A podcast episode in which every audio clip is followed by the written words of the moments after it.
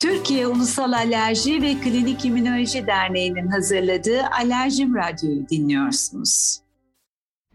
Merhaba, ben Doktor Özge Uysal Soyer. Bugünkü konuğumuz Gazi Üniversitesi'nden Profesör Doktor İlgilge Ertoy Karagöl.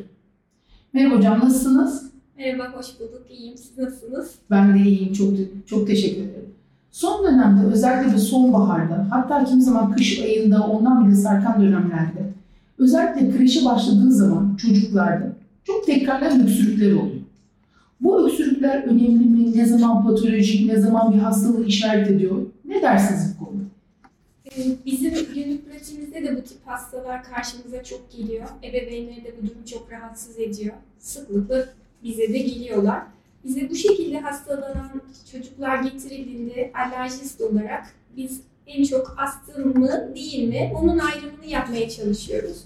E, astım açısından da bu tip çocukları değerlendirirken üst solunum yolu enfeksiyonlarının e, uzun sürmesi, kreşe başlamakla beraber daha sık enfeksiyon acılığıyla karşılaşarak sık enfeksiyon geçiriyorlar kreş çocuklar ama bu geçirdikleri üst solunum yolu enfeksiyonlarında süre uzuyorsa, bir hafta 10 günü geçiyorsa, bu uzayan dönemlerde gece gündüz özellikle de gece olan öksürükleri varsa, bu sebeple doktora gittiklerinde bronşit ya da bronşolit tanıları alıyorlarsa ve bu tanılar için e, bizim astımda kullandığımız sprey formda ya da sıvı formda ilaçları verdiklerinde hekimler fayda görüyorlarsa bunlar kreş çocuğunda sık hastalanıyor, sık öksürüyor diye gelen bir çocukta astım açısından önemli ipuçları e, oluyor.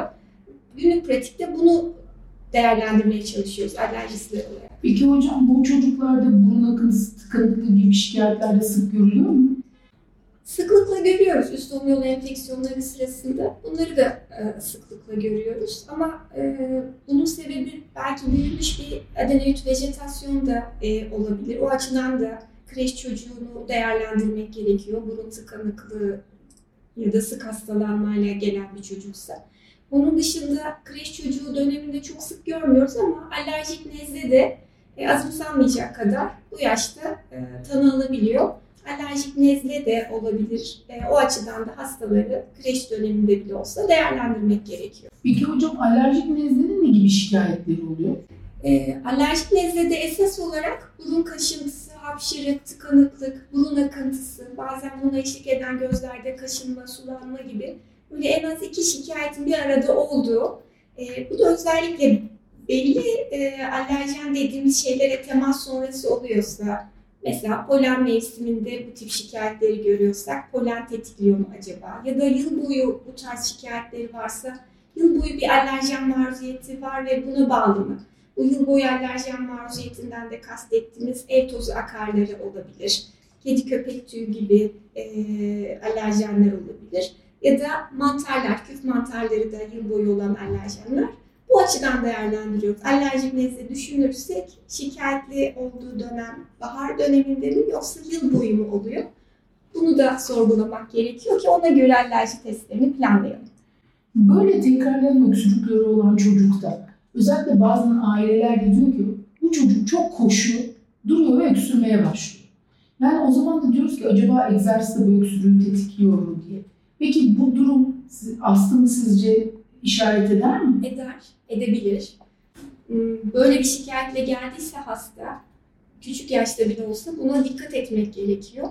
E, astım benzeri yakınmaları küçük yaşta özellikle üst solunum enfeksiyonları sırasında az önce bahsettiğim e, bulguları bekliyoruz. Ama bunun dışında sadece egzersizle değil, soğuk havada, tetikleyebilir. Bazen aileler bu öyküyü de e, verebiliyorlar. O yüzden sadece viral enfeksiyonlar değil, koşup oynamakla, atlamakla, zıplamakla, gülmekle, ağlamakla öksürüyor. Hatta hırıltısı oluyor diye aileler bize öykü verdiklerinde astımı düşünüyoruz.